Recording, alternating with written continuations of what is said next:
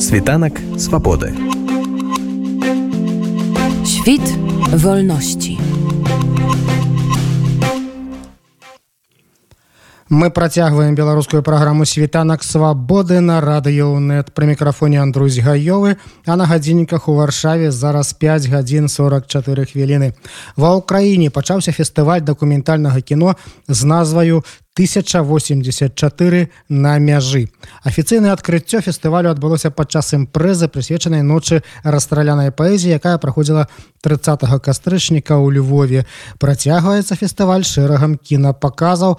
У нашым наступным матэрыяле больш падрабязна пра канцэпцыю фестывалю і ўспрымання яго беларусамі ды украінцамі.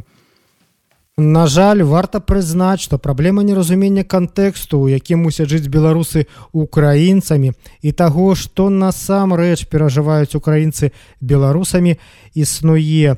Пра гэта кажуць многія аналітыкі, калі разважаюць пра тыя пытанні, з якімі сутыкаюцца ва ўкраіне нават тыя беларусы якія не проста засталіся жыць у гэтай краіне але і ўсімі магчымымі сродкамі дапамагаюць дзяржаве што змагаецца з вялізным і агрэсіўным нападнікам. І вось якраз пераадолення гэтага ўзаемнага недахопу інфармацыі стала асноўнай мэтай фестывалю дакументальнага кіно які мае назву 1084 на мяжы Чаму такая назва і якая агульная канцэпцыя змест кінафэсту распавяла адна з асноўных ініцыятарак і арганізатарак імпрэзы Тацяна Гацура Яворская. Мы арганізоўваем фестываль дакументальнага кіно 1084 на мяжы.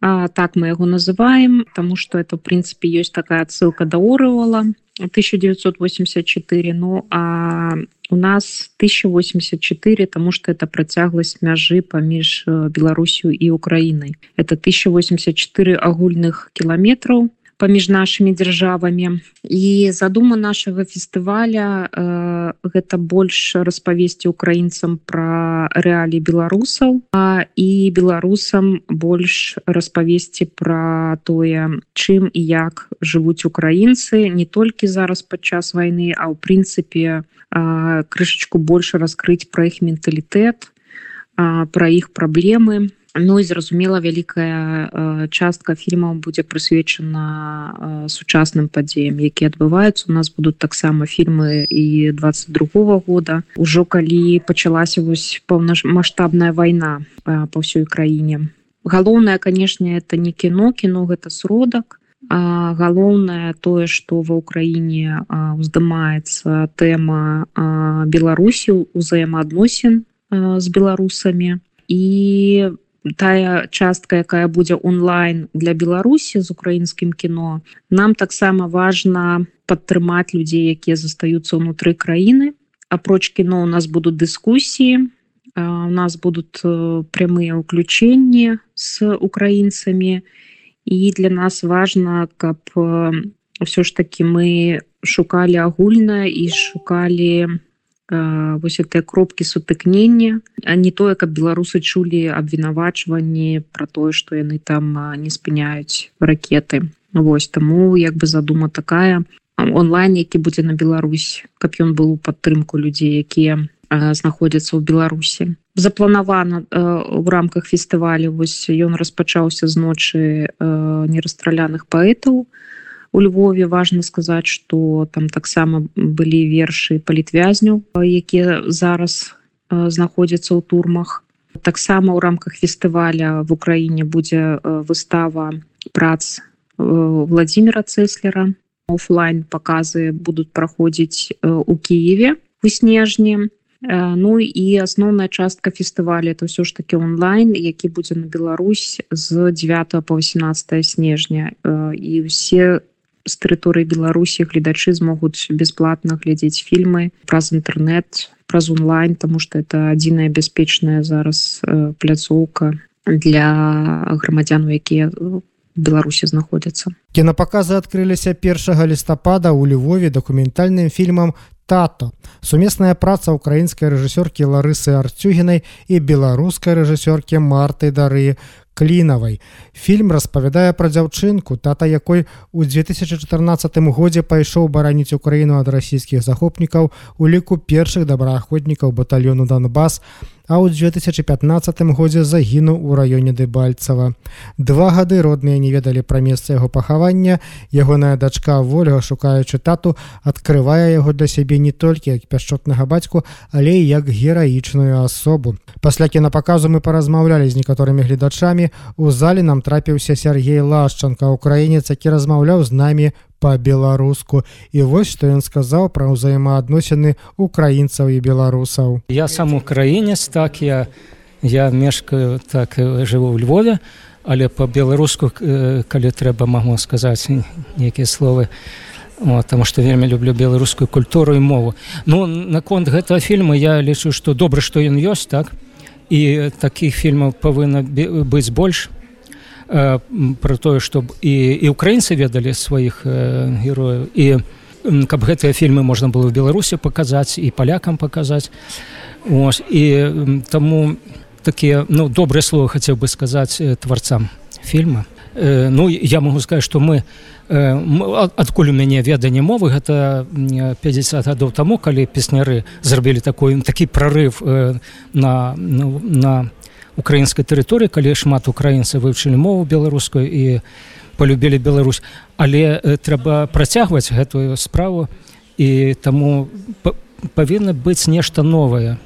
Э, і такія фільмы і сустрэчы і, і песні і калектывы э, розныя. Гэта як мага больш павінна быць от і дзе б не быў беларус ці ў беларусі ці ў украіне ці ў польльшы ці в літве ці в ірландіі скрозь трэба сустракацца з украінцамі таксама украінцы павінны з беларусам тому что у нас гэта адзіны сусед які так адназначна ну бра братні народ так гэта ў першую чаргу трэба з беларусамі рабіць. Ну з усіма і з палякамі з румынамі са славакамі але з беларусамі першую чаргу тому што найбольш блізкі нам народ нам украінцам А вось у адны есть беларусак якая таксама была на кінапаказе. Мы пацікавіліся ці сутыкаецца яна ва ўкраіне з нейкім непрыманнем альбо варожасцю з боку украінцаў. Калі гэта асабістая размова калі гэта асабістая відносін адносіна я не затыкалась. Нават калі ёсць якось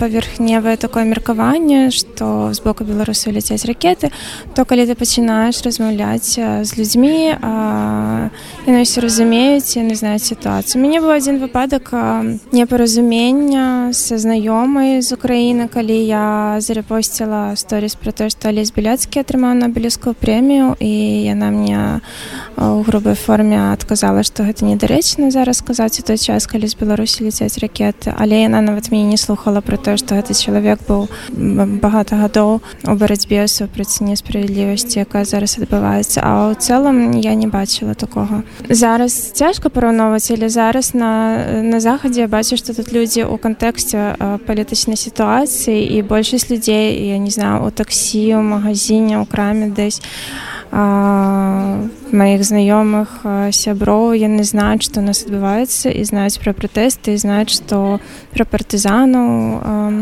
рэлькавых і ну то бок у курсе павесткі я таксама стараюсь пра гэта гаварыць. Спадарышна лічыць што трэба як мага больш распавядаць пра тое што робяць і в якіх умовах беларусы. Рабіць гэта ва ўкраіне каб украінцы бачылі што беларусы тут мы ёсць мы паважаем сваю гісторыю і ў нашай гісторыі ёсць прыклады таго як мы бароліся супраць несправядлівасці гэта адбываецца і зараз. І важна паказваць тое што мы ёсць мы тут мы з украінай. Мы хочам каб украіна перамагла таму што гэта наш шанс вярнуцца дадому. Я думаю што тут мае значэнне распаўсюджанне інфармацыі пра гэтыя падзеі. Таму што зараз напрыклад тут мала людзей але гэта класна у такі час у час калі у ёсць гэтыя словы пра краіну агрэсары так далей то што ў Львове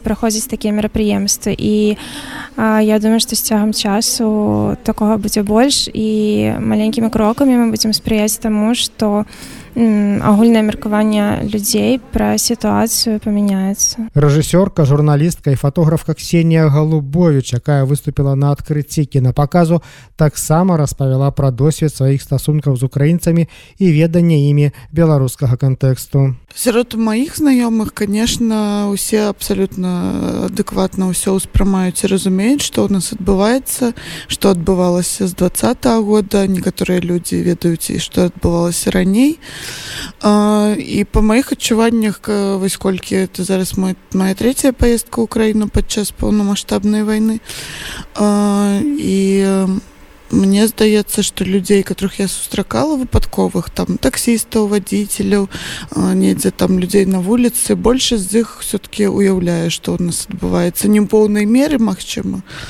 многія напэўна думаюць что ну все рэвалюцыя не здарылася і там все ціха але пра падзеі два ведаюць конечно усе а многія все-таки і зараз разумеюць что чаму Беларусь уцягнута ў гэты канфлікт ксенія голубович лічыць што кіно адзін са сродкаў які дапамагае ўзаемнаму разуменню. Але тое што адбылося ў нашых краінах апошнімі гадамі трэба яшчэ досыць грунтоўна адрэфлексаваць каб пачаць рабіць сапраўды глыбокія кінематаграфічныя працы Я думаю, што гэта дапамагае, таму што ў двадцатым годзе, напрыклад, калі ў нас былі пратэсты, мы ездзілі ў Кіев, сустракаліся з украінскімі дакументалістамі, вось некалькі чалавек з Беларусі для таго, каб пагаварыць пра наш розны вопыт, вопыт два ў Беларусі, іх вопыт здымак на майдане дакументальных, пра тое, што ў нас агульнага, якія адрозненні, як працаваць з такімі складанымі тэмамі і тэхнічна і маральна рэальна і ратаваць матэрыял часам карацей і гэта быў вельмі такая карысная сустрэча. І мы і зараз многімі людзьмі адтуль сябруем таксама дзелімся вопытам і стараемся асвятляць іх падзеі на падчас гэтай войны. Мне здаецца рэфлексія на ўсе падзеі гістарычныя гэта адзіны шанс зрабіць будучае трошки лепшым і пазбегнуць памылак таму гэта вельмі цяжка добрае дакументальнае кіно конечно будзе з'яўляцца пазней пра ўсе падзеі Таму что зараз калі падзеі вось такія свежыя яны не адрэфлексаваныя абсалютна і але гэта важна просто як документ эпохі Я думаю что лепшыя фільмы з'явяцца пазней калі будзе больш асэнсавана ўсё гэта Як ужо ўзгадвала татяна гацураяворская акрамя паказаў кіназалах львова і Киева фестываль будзе праходзіць і на онлайнавай пляцоўцы разлічанай на тых хто жыве ўнутры беларусі дзе зараз сабраць людзей на кінапрагляд рызыкоўна зняволеннем і гвалтам. Татяна удакладніла дзе якім чынам да фестывалю дакументальнага кіно 1084 на мяжы змогуць далучыцца жыхары беларусі. Наши партнеры гэта э, вялікія адзіны такі онлайн кінотэатр такфлікс это украінская пляцоўка наши партнеры.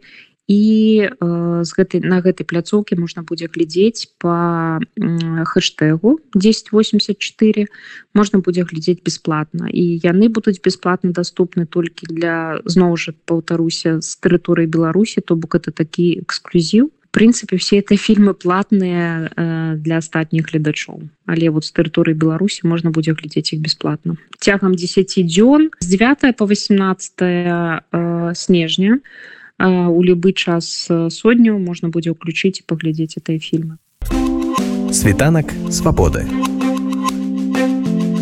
світ вольнасці у